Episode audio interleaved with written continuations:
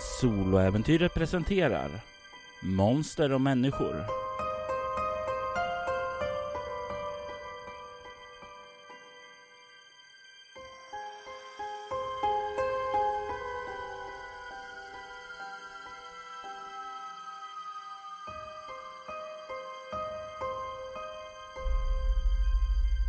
Avsnitt 1 Monster. Första delen. Det är sen eftermiddag och luften är varm, het och fuktig på det där obehagliga sättet som gör att hela ens kropp känner sig klibbig. Diane är i Louisiana och har lämnat storstäderna bakom sig och är på väg ut längs med en väg. En väg som leder bort från civilisationen och ut i vildmarken. Hon har nu svängt av från de stora vägarna och svängt av på en gammal dammig grusväg. Det är ju inte som så att det är väggruset yrs upp när det är så fuktigt så det är alltid någonting att vara glad över. Hur färdas du Diana? Vanligen så brukar du ju färdas med en motorcykel. Men nu när du är på väg till en klient, åker du motorcykel då? Nej, jag använder Stevens bil. Bilen som du ärvde efter att han gick bort. Det var en tid sedan, det har gått något år sedan dess. Sedan alla hjärtans dag, Valentine's Day, som han förlorade sitt liv. Hur påverkade det dig att han gick bort? Det var ju lite små saker som behövde ordnas efteråt och tillrättaläggas så att det blev förståeligt för polisen när de skulle hitta spåren och sådär. Men att ett hus brann ner och man hittade väl rester av kroppar i det. Men jag berättade ju att min pojkvän hade försvunnit och, och jag har följt efter hans spår och kommit till det brinnande huset. Och sen ringde jag brandkåren. Men det verkar som det här, den här man, mannen som bodde där, den här gamla mannen, hade någon så eldfängt i huset. och Det är nästan, det bara brann så hastigt. Och polisen reflekterade ju inte över det. Inte nog med att din berättelse var trovärdig, utan även för att du arbetade åt Heartstone and Winter. En av de främsta advokatfirmorna som finns i världen. Och polisen slipper gärna att bråka med dem om de inte verkligen måste. Du är en advokat åt dem. Ganska ny sådan. Du har haft en del mindre fall, men det är nu som du har ditt större första fall. Och det är det som har fört dig ut hit till Louisianas vildmark. Familjen Blackwood är en inflytelserik familj. De har pengar, gamla pengar. Familjens överhuvud, Arthur Blackwood, har ringt till Hearthstone Winter och sagt att han behövde hjälp av en advokat med ett dilemma. Det hamnade på ditt bord. Vad gick igenom ditt sinne då du fick det här fallet. Ditt första riktigt eget stora fall. Tidigare har du ju mest gjort sådana här små fall som eh, ja, någon överklassunge hade drogat någon eh, partner där och haft sex med och sen så började partnern att klaga över det. Sådant där måste ju städas bort eller någon eh, person som ertappades med eh, en pistol på sig ombord en buss där. Alltså det är sådana här fall som Hearthstone Winter tar an sig, ger lite brödföda, men det är ingen direkt prestige i det. Du började att assistera vid sådana fall och har arbetat och fick ta över några egna sådana här små i början. Men nu mm. är det ditt första egna fall. Ett fall av vikt också. Jag, jag är förväntansfull. Det är få saker som är riktigt roligt alltid men det här, det här ska bli... Ja, men jag, jag känner det kittla i kroppen. Det här ska bli spännande och kul. Jag har en väska med en del eh, dokument och eh, jag har eh, klätt upp mig lite grann för det här eh, för att bättre passa stilen. Eh, mera eh, affärsmässigt. Jag har också en tanke att det här är ju vägen in. Jag kanske inte egentligen har den här världsliga önskan om, om makt egentligen. Men det finns en hemlighet djupt i Hearthstone inte. och jag har sett delar av den. Men dessa hemligheter finns inte här ute i The Bayou i Louisiana. Men det här är en trappsteg fram till den insikten. En trappsteg som du är på väg till. Vad gjorde du för efterforskningar och sådant innan du åkte ut hit? Vad är det för information som du vill ha med dig när du nu börjar närma dig den, ja, jag skulle vilja säga adress, men med tanke på att det här är en enskild väg utan några andra eh, besökare på så känns ju adress som att överskatta det vad det är. Men i slutet på den här vägen. Jag har ju läst på om eh, akten om eh, familjen Blackwood. Eh, var den tjock eller tunn? Den var rätt tunn egentligen. Du hade förväntat dig mm, bara tjockare. Karriären är viktig inom Hearthstone Winter. De som inte strävar efter att klättra högre, det är de som blir dödkött som skalas bort. Och är det någonting som Diane inte är så är det dödkött. Så de här är ganska, är det gamla pengar det här? Jag tänker mig att du kan börja med att slå ett lätt slag med ego samhällsvetenskap för att tolka lite information ur mappen, saker som står mellan raderna och sådant. Mm. Samhällskunskap är 8 och ego 7. Så du har lyckats där i grunden där, men du kan få ett perfekt slag om du slår 5 eller 6. Jag slog bara 4. Ett ifrån. Nära, men inte riktigt. Familjen Blackwood är en inflytelserik mm, familj. De är kanske inte gamla pengar i sig, men de är ju en sydstatsfamilj. De eh, hade eh, en eh, ganska fin, eh, anrik eh, familjehistoria fram till eh, det amerikanska inbördeskriget. Det är ingen hemlighet att de förlorade en hel del makt och rikedom under det. Eh, men under senare hälften av 1800-talet så började de återfå lite pengar och så. De eh, var, de har under 1900-talet också gjort sig eh, känt som eh, leverantör av eh, alligatorskinn till diverse syften. Alligatorkött är också någonting som de har tagit reda på och sålt. Det är under första hälften av 1900-talet främst saker som eh, gått runt alligatorodling. Men eh, i samband med andra världskriget så verkar det ha upphört. Och därefter så finns det inga direkta inkomstkällor eller sådant tydligt där. Men ändå så verkar rikedomen ha växt. Och med ditt lyckade slag så kan du ju se att den har växt mer än bara att det har suttit och gått på ränta. Men det finns inget officiellt var de här pengarna skulle komma ifrån. Okej, så de har egentligen, de räknas som en rik klient? Ja, du får ju också uh, intrycket av att Hearthstone och Winter prioriterar det här uh, som klient då eftersom det här är ja, vad som brukar kallas internt en torsk.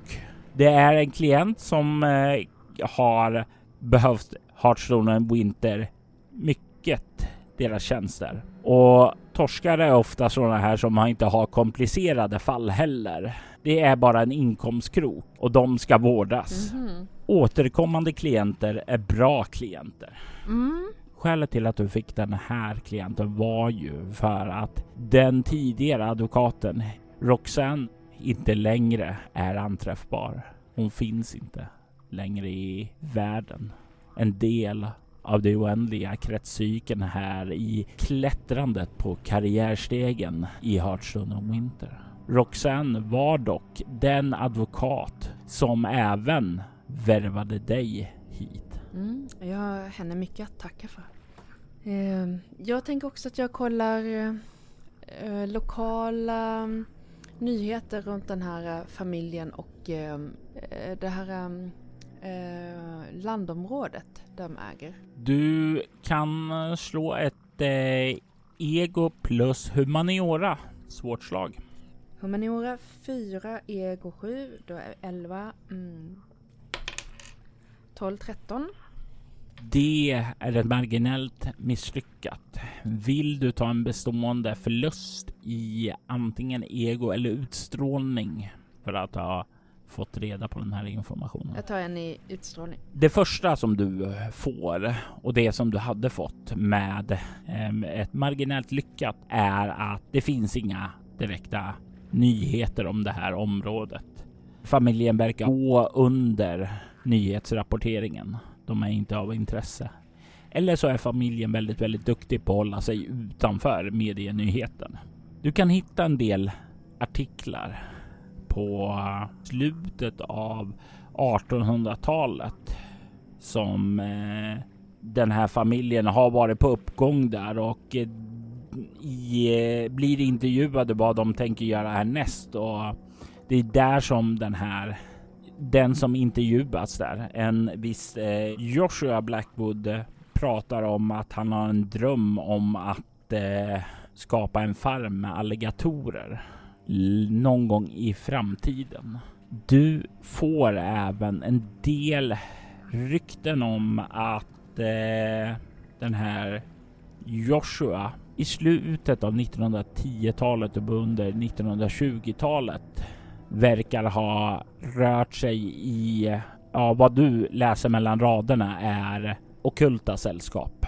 Spiritism, teosofi och den typen av spirituella trosinriktningar som var populära under den tiden. Men det här området har ju jättemycket voodoo. Det är helt sant och du plockar ju upp också att eh, inom voodoo så är det ju tro på gudar eller loas som det kallas för också här. Och det är ju definitivt också någonting som han var intresserad av. Så det, det hör jag lite grann att, att han var intresserad av spirituella saker men drogs han mest mot uh, voodoo eller mot någonting annat? Du kan inte säga varken bu eller bä om det, men han verkar ha doppat tårna i flera olika saker, den här Joshua. Jag har en del okultism också. Mm. Eh, du kan slå ett ego Okultism, ett lätt slag. Jag ska se, okultismen ligger på 4 och sen 4 på tärningen 8 och sen ego 7, 15. Det är ett lyckat eh, och det här kommer du inte få någon information om nu, men det här representerar den informationen som du har samlat på dig och som du kan dra dig till minnes då om saker som kanske kommer upp längre fram. Mm. Så då har jag egentligen förberett mig, gjort en bakgrundscheck och eh, jag har sett hur mycket av pengarna man kan följa.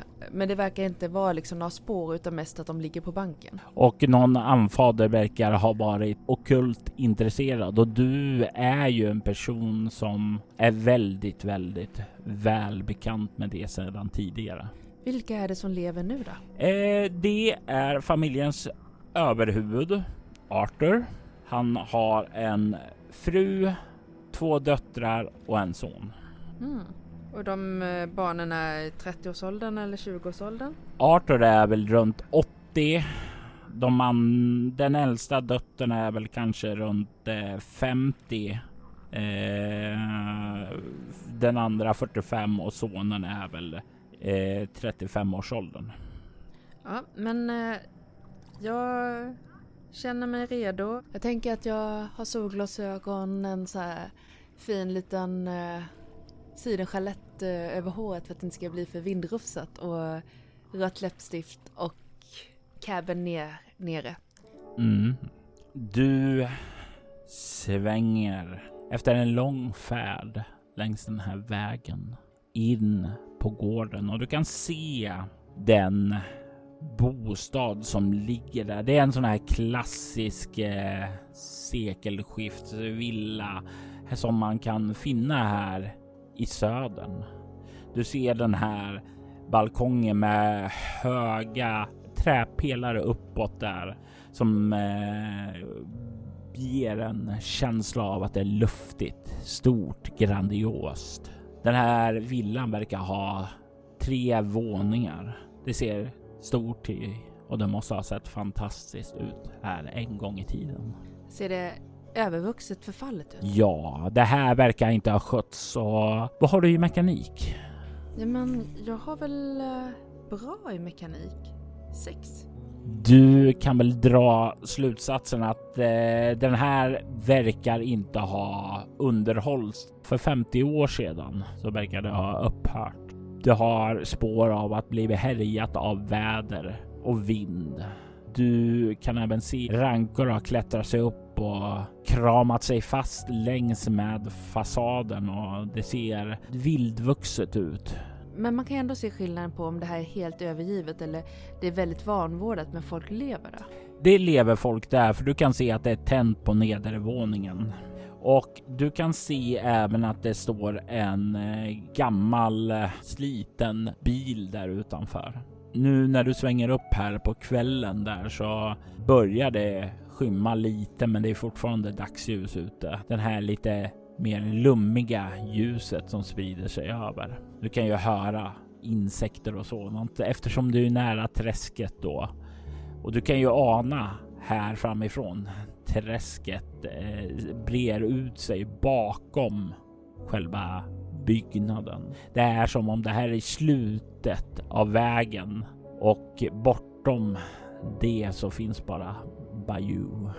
Mm, jag har ju en övernattningsväska med mig ifall jag skulle behöva stanna kvar över natten. Jag har alltid med mig lite, typ en arbetsväska med praktiska skor och andra praktiska saker. Så att jag tar väl min, stänger av, parkerar, kliver ur bilen, ser mig omkring. När du kliver om och ser dig omkring så, så kan du bara höra hur låset börjar rossla till då det verkar börja öppnas. Jag står och tittar. Och ut kliver en man. Vad hade du i Manora sa du? Fyra. Mannen som kliver ut är gammal. Du kan se att ögonen är rätt så insjunkna i sina ögonsocklar. Små. Och det gör ju att området kring dem ovanför ögonlocken och så är liksom så insjunkna att det är lite inskuggat där. Du kan se att han har en lång vit mustasch som är lång och liksom curlar sig uppåt i ändarna. Mhm. Han är klädd i en eh, väldigt fin kostym. Mm. Även om kostymen ser väldigt, väldigt utdaterad ut. Du skulle nog gissa att den kommer från 20-talet. Han har en vit skjorta och en röd fluga under den. Och på huvudet så bär han en hatt. Modern för den tiden. Han eh, lutar sig mot en liten käpp. En svart träkäpp med ett handtag i silver. Han lutar sig lite med den och börjar kliva utåt för att gå och möta dig. Det här verkar vara Arthur som är, är eh, 80 år eller? Det skulle definitivt stämma med eh, den eh, signalementer du har fått av honom. Eh, Jag... eh, Det här är jag bra på. Jag tänker att jag... Jag eh, har ett ganska lagom bemötande. Lite småkyligt men eh, vänligt och artigt. Så som advokater bör vara. Mm. Herr eh, Blackwood? Arthur? Det stämmer. Eh, och ni måste vara Miss Wyland förstår jag. Precis. Han sträcker fram sin beniga hand. Du kan se hur huden verkar ha förlorat mycket av det här fettet som finns där under som liksom är hud som nästan sladdrar lite på de beniga knotorna. Det är ju så att när man är, börjar bli så här gammal och det inte finns mycket hull under, då börjar benet bli ganska skört också. Så egentligen är det en sån här hand som man i princip kan, med till mycket handkraft, kan krossa benpiporna på.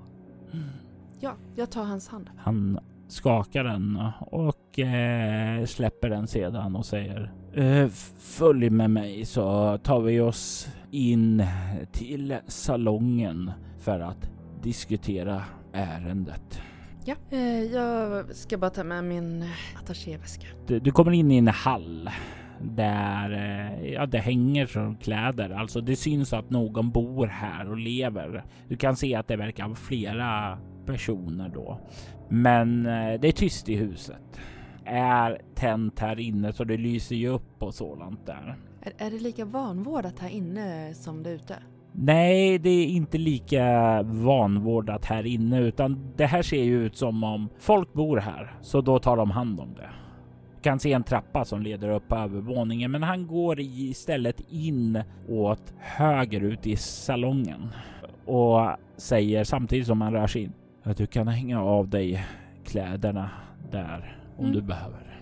Ja, men jag tar av min trenchcoat och hänger upp den ordentligt med eh, sidenskärletten också. Du kommer snart ut i det här salongen och du kan se att det är ju som en eh, väldigt klassisk gammal inredd salong. Det finns länsfåtöljer där, det är en stor öppen eld. Du kan se ett barskåp här också. Det är tavla som hänger över elden som föreställer, jag tänker en sån här klassiskt familjeporträtt på den här familjen då Mm. fast ja, för säkerligen många, många år sedan. Vad har du i medicin? Jag har fyra i medicin. Ja, men då kan du ändå avgöra att det, det här är nog uppskattningsvis för 30 år sedan när eh, barnen eh, var i 20, 15 och eh, 5 års ålder. Är, de, är det här en attraktiv familj eller inte? Det här syns som om det är en klassisk patriarkal familj. Arthur står i en sån här klassisk maktposition, väldigt stark eh, i sin hållning, ser väldigt auktoritär ut. Det är de här klassiska könsnormerna som finns där. Alltså frun finns där för att puffa upp honom och se vacker ut. Och barnen är tysta och skötsamma där. Mm. Din familj. Eh, ja, Charmanta. ja, så kan man också se det. Låt mig fråga, vill ni ha någonting att dricka? Ja, jag kan ta en liten uh, Madeira. Jag beklagar. Eh, jag har bara lokala saker härifrån. I så fall kan jag ta lite sherry. Det går bra.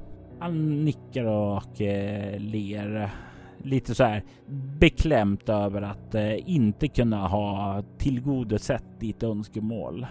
Eh, det verkar sitta dåligt hos han. Inte så att det ligger i, mot dig utan lite mer att han han känner att hans heder är lite skymfad där. Men han kommer snart med ett glas sherry åt dig och han har själv hällt upp en whisky. Han slår sig ner i en av fåtöljerna och säger Jag eh, utgår ifrån att eh, det är tystnadsplikt här i allt det som vi säger. Självklart. Det är som så att jag har ett problem. Eh, Min dotter Beatrice är död. Den äldre eller den yngre? Det är den äldre. Hon eh, är mördad. Och det är jag som har gjort det. Mm, det, det är ju ett problem. Mm.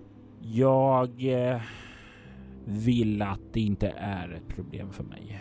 Jag vill att vi städar bort det. Antingen, ja helst så att det inte dyker upp alls. Det vore ju det ideala. Då är frågan, eh, när skedde det? För tre dagar sedan. Och kroppen är kvar? Ja, Och eh, vittnen? det finns inga andra vittnen här i trakten utan möjligtvis kackerlackor. Och familjen är lojala eller skulle de bli upprörda om de fick reda på det? Eh, familjen är inte närvarande längre. Inga alls? Beatrice var den sista av oss. Nu är jag själv kvar. Jag beklagar. Det jag inte förstår är varför du inte bara kan städa bort Beatrice. Vad är det som hindrar? Förklara så kan jag hjälpa. Jag har inget sådant kunnande om det skulle komma upp någonting. Eh, det här är någonting som eh, Hardstone Winter, eller rättare sagt min eh, tidigare advokat eh, Roxanne har ordnat sedan tidigare med de övriga familjemedlemmarna och det har inte blivit något problem då. Och det var därför jag ringde nu, men då fick jag höra att Roxanne inte längre var anträffbar och att jag skulle få en ny advokat. Då så, det förklarar saken. Jag tänker inombords. Jäkla Roxanne, borde inte hon ha skrivit ner de här detaljerna? Hon borde ju ha gjort det här, för det här är ju ingenting som är så ovanligt. Alltså, det finns ju den officiella dokumenteringen hos Artson och inte det här som andra kan få ta del av. Det som sköts med domstolar och sådant. Men det finns ju även en intern dokumentation, sådan som inte lagväsendet bör se. De här loggarna borde ju finnas där, men det fanns inga sådana, vilket får dig att tro att det här måste ha skett lite grann off the book. Mm. Så att tidigare så har enbart eh, hon bara städat och eh, de eh, detaljerna som finns i världen, eh, spår och sånt har försvunnit. Ja, jag har inte haft några problem i alla fall. Hon kom hit första gången och kollade lite på kropparna, funderade lite. Hon hade någon som hon ringde in. Mm, jag tror det var någon städare av något slag. Mm. Eh, de hämtade kroppen och förde bort den. Mm. Och det är inte de stora problemen att ta bort en kropp. Det är som du förstår naturligtvis de andra bitarna. Så att det inte kommer att folk som letar. Exakt. Vad hade Beatrice för kontakter? Ni har ju, verkar ju ändå varit ganska isolerade här ute. Beatrice var väl eh, den av oss som eh, hade mest kontakt utåt där. Inte några fasta sådana som jag vet. Utan eh, hon var den av oss som reste runt. Vid redan vid en tidig ålder så uttryckte hon en önskan om att vilja se världen. Mm. Nepal, Paris, Reykjavik. Som hon flängde runt där. Vi hade många vykort ifrån henne men jag känner ju bara det. Jag får ju nästan andnöd bara tänka på hur hon flängde runt. Mm. Det kan vara ansträngande med alla dessa flygresor. Ja, jag skulle aldrig sätta mig på ett flyg. Sådana där nymodigheter. Mm. När slutade hon med det här då? Och varför kom hon tillbaka?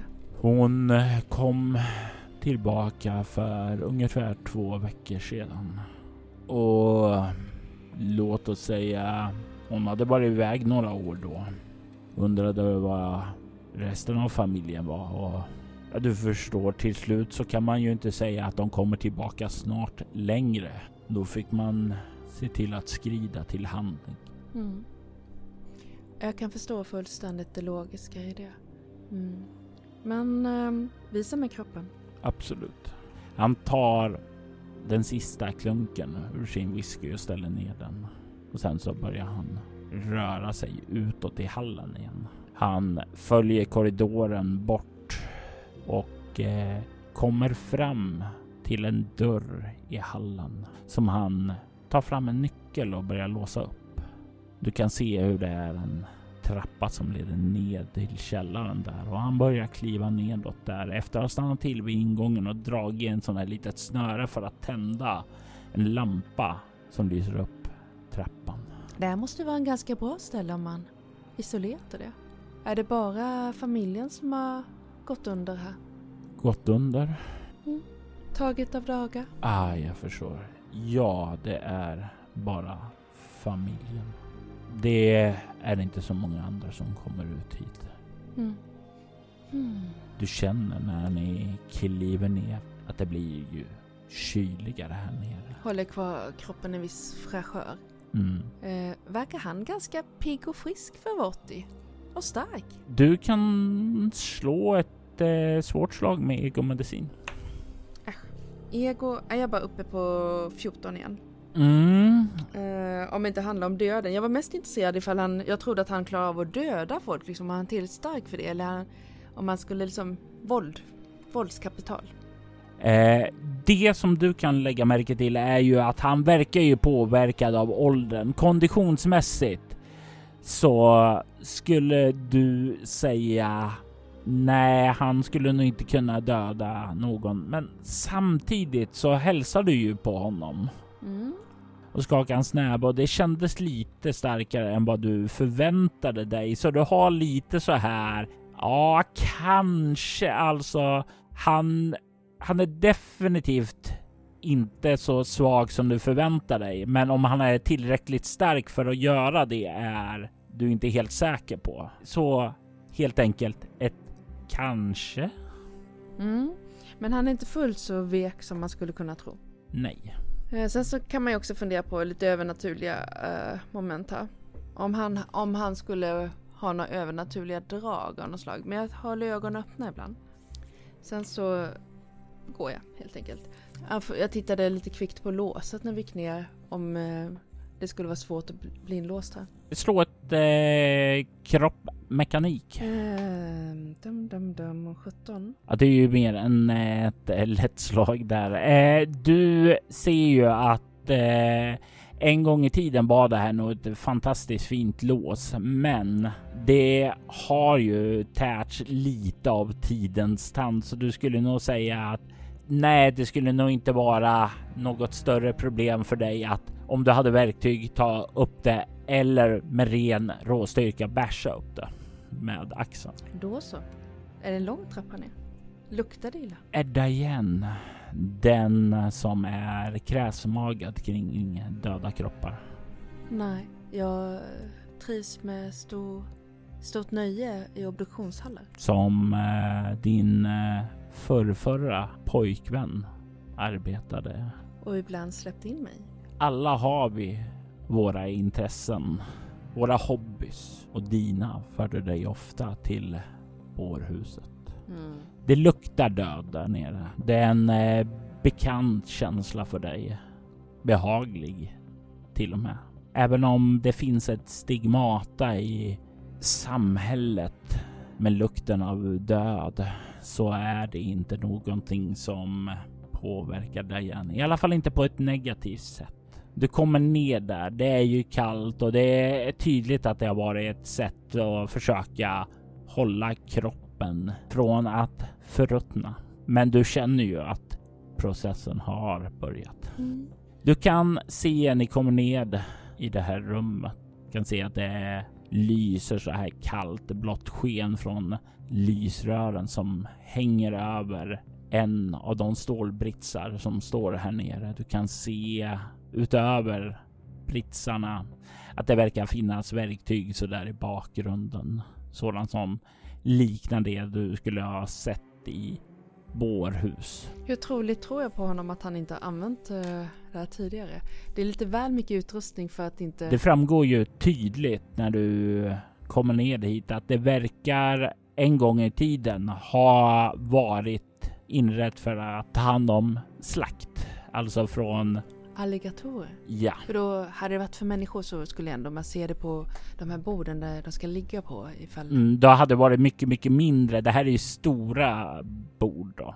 Mm. Du kan se dock att ett av de här slaktborden då, där så ligger en kvinna i 50-årsåldern. Helt naken. Avklädd i precis så som Gud skapade henne. Hon ligger placerad med händerna på bröstet i sån här rofylld, eh, rofylld position. Du kan ju snabbt med din uppmärksamhet och ditt kunnande om det döda se dödsorsaken. Det är ju ett sår som är uppskuret uppe i brösten och hennes hjärta verkar ha plockats ur kroppen. Var är hjärtat någonstans? Hjärtat finns inte längre. Mm. Kommer jag, känner jag någonsin av några spår när någon använder esoterisk magi? Det är bara man esoteriker va? Psykonauter kan också känna det. Men dina psykonautiska krafter är ju blockerade. Så nej, du känner ingenting sådant. Ja, nej, det är ju ganska användbara saker hjärtan. Senast jag såg den här typen av eh, skada så tror jag fadern försökte offra hjärtat till en gud. Mm. Det är inte första gången som man hör talas om sådant. Mm. Jag kollar runt det. Verkar han ha behandlat liket med respekt? Det här med att hon är avtagen var mest för att han ska skära ut hjärtat eller? Det här vill jag nog att du slår ett eh, lätt slag med egomedicin för och här får du använda din egen morbid för. Okej, okay, då ska jag se. Jag slog bara en två. Ett till för morbid, är tre. Eh, ego va? Då är vi uppe i tio mediciner. Fyra? Eller vad tänker ni? Jo, oh, det blir fyra. 14. Och det är ju lyckat. Det verkar ha skett med respekt. Du kan inte se någon form av våld emot kroppen, inget slag mot huvudet. Du är ju rätt säker när du liksom börjar kolla på kroppen att nej, du kan inte se något injektionshål heller. Den är ju avklädd så du kan ju se det. Så din första tanke är ju att den här kvinnan har nog inte troligtvis legat och låtit sig bli uppskuren, vilket måste betyda att hon har troligtvis blivit drogad. Kanske via mat. Och eh, det har gjort att han kunnat göra det här eh, ostört. Väldigt eh, smidigt arbetat. Det verkar som han har, har skicklighet. Det här med att plocka ut hjärtat. Ja, det, du får en känsla av att det är inte första gången heller det har skett. Nej, han har ju minst gjort det tre gånger till. Mm. Eh, så att eh, den här kroppen behöver du inte längre alls? Nej. Mm. Hade hon en telefon och andra... Mm. Ja, eh, jag har samlat ihop all hennes utrustning eh, uppe i hennes rum. Vill du veta någonting eller ingenting alls? Jag räknar med att ni sköter det på ett kompetent sätt så att ju mindre jag vet desto bättre. Jag återkommer ner hit senare men eh, jag skulle behöva titta på hennes tillhörigheter och se om eh, man kan hitta spår på vad som behöver städas undan. Jag förstår. Han vänder sig om och börjar kliva uppåt. Mm. Jag följer efter. Ni kommer ju upp på övervåningen och han stannar där ute i hallen vid trappen och pekar uppåt där. Eh, om du tar dig upp och tar hallen åt vänster. Den första dörren till höger där är hennes rum. Jag får ett intryck av att det inte finns några tjänare här va? Nej, eh, det finns ingen som eh, antyder att det ska vara det. Du har inte sett några kläder eller sådant. Han tog ju dryck borta i baren själv. Så eh, om det hade funnits så hade han ju nog troligtvis ropat på någon då. Är det inte ovanligt välstädat här för att det ska vara en 80-årig man som ska hantera alltihopa själv? Nej, inte ovanligt eh, välstädat. Det är ju typen av prydlighet som gamla personer har. De drar ju inte ner så mycket utan har de väl ställt det så blir det stående där. Men det är inte tunga lag av damm här och där? Nej, men det finns ju damm i hörnen och sådant. Alltså, du kan ju se dammspår alltså. Det är ju kanske inte stället där man bjuder in till eh, finmiddagar längre. Mm. Jag drar slutsatsen att här är det inte någon övernattning som kommer ske. Um, jag tror inte att han eh, har så bra med förfriskning. Men hur, hur långt var det till närmaste motell? Det, det är ganska långt. Det handlar om eh, en, en och en halv timme kanske. Mm. Eh, jag går upp och undersöker Beatrice tillhörigheter. Det knarrar i trappstegen då du börjar röra dig uppåt. Upp för att kolla till Beatrice grejer. Du känner ju hur luften där uppe uppe är mer orörd. Du kan ju se också att dammlagren är mer närvarande där. Inte alls lika väl skött där. Du rör dig upp för att komma till den där övervåningen, men plötsligt så känner du, du känner hur trappen viker undan under dig och innan du riktigt hinner reagera så faller du nedåt. Du faller igenom trappen och rätt ned till ett källarområde där nere. Du känner hur hela din mage penetreras av en stor påle en träpåle där som liksom kör rätt igenom det och ut på andra sidan. Du känner hur livet rinner ut ur dig och allt blir svart när du dör. Monster och människor är en berättelse skapad, spelad och producerad av Robert Jonsson till rollspelet Bortom som ges ut av Mylingspel. Vill du stödja Roberts kreativa skapande kan du göra det på patreon.com snedstreck Robert Jonsson. I detta avsnitt hörde du Maria Rutgård som Hearthstone and Winter-advokaten Diane Weilen. Monster och människors temamusik heter The Cost of Fear och skapades av Jon Björk. Ni hittar hans musik på Epidemic Sound. Övrig musik i detta avsnitt gjordes av Bonnie Grace, Christopher Moe Dietlevsen, Mindwarden, Tabletop Audio och copyrightfri musik. Länkar till skivbolag och artister hittar du i avsnittets inlägg. Soläventyret är en actual play podcast där vi spelar både skräck och science fiction. Ni kan mejla oss på info.bortom.nu, följa oss på Instagram som @spelabortom eller soloäventyret på Facebook. Söker du efter poddar i liknande stil rekommenderar vi Altors vidare eller vår Patreon där du kan hitta fler äventyr att lyssna på. Du hittar den på patreon.com snedstreck Robert Jonsson. Mitt namn är Robert Jonsson. Tack för att du har lyssnat. Vi vill ta tillfället i akt att tacka, hylla och hedra våra Patreon-backare. Fredrik Derefelt, Niklas Österlund, Ty Nilsson, Daniel Lantz, Morgan Kullberg och Marcus Florberger. Ert stöd är djupt uppskattat. Tack!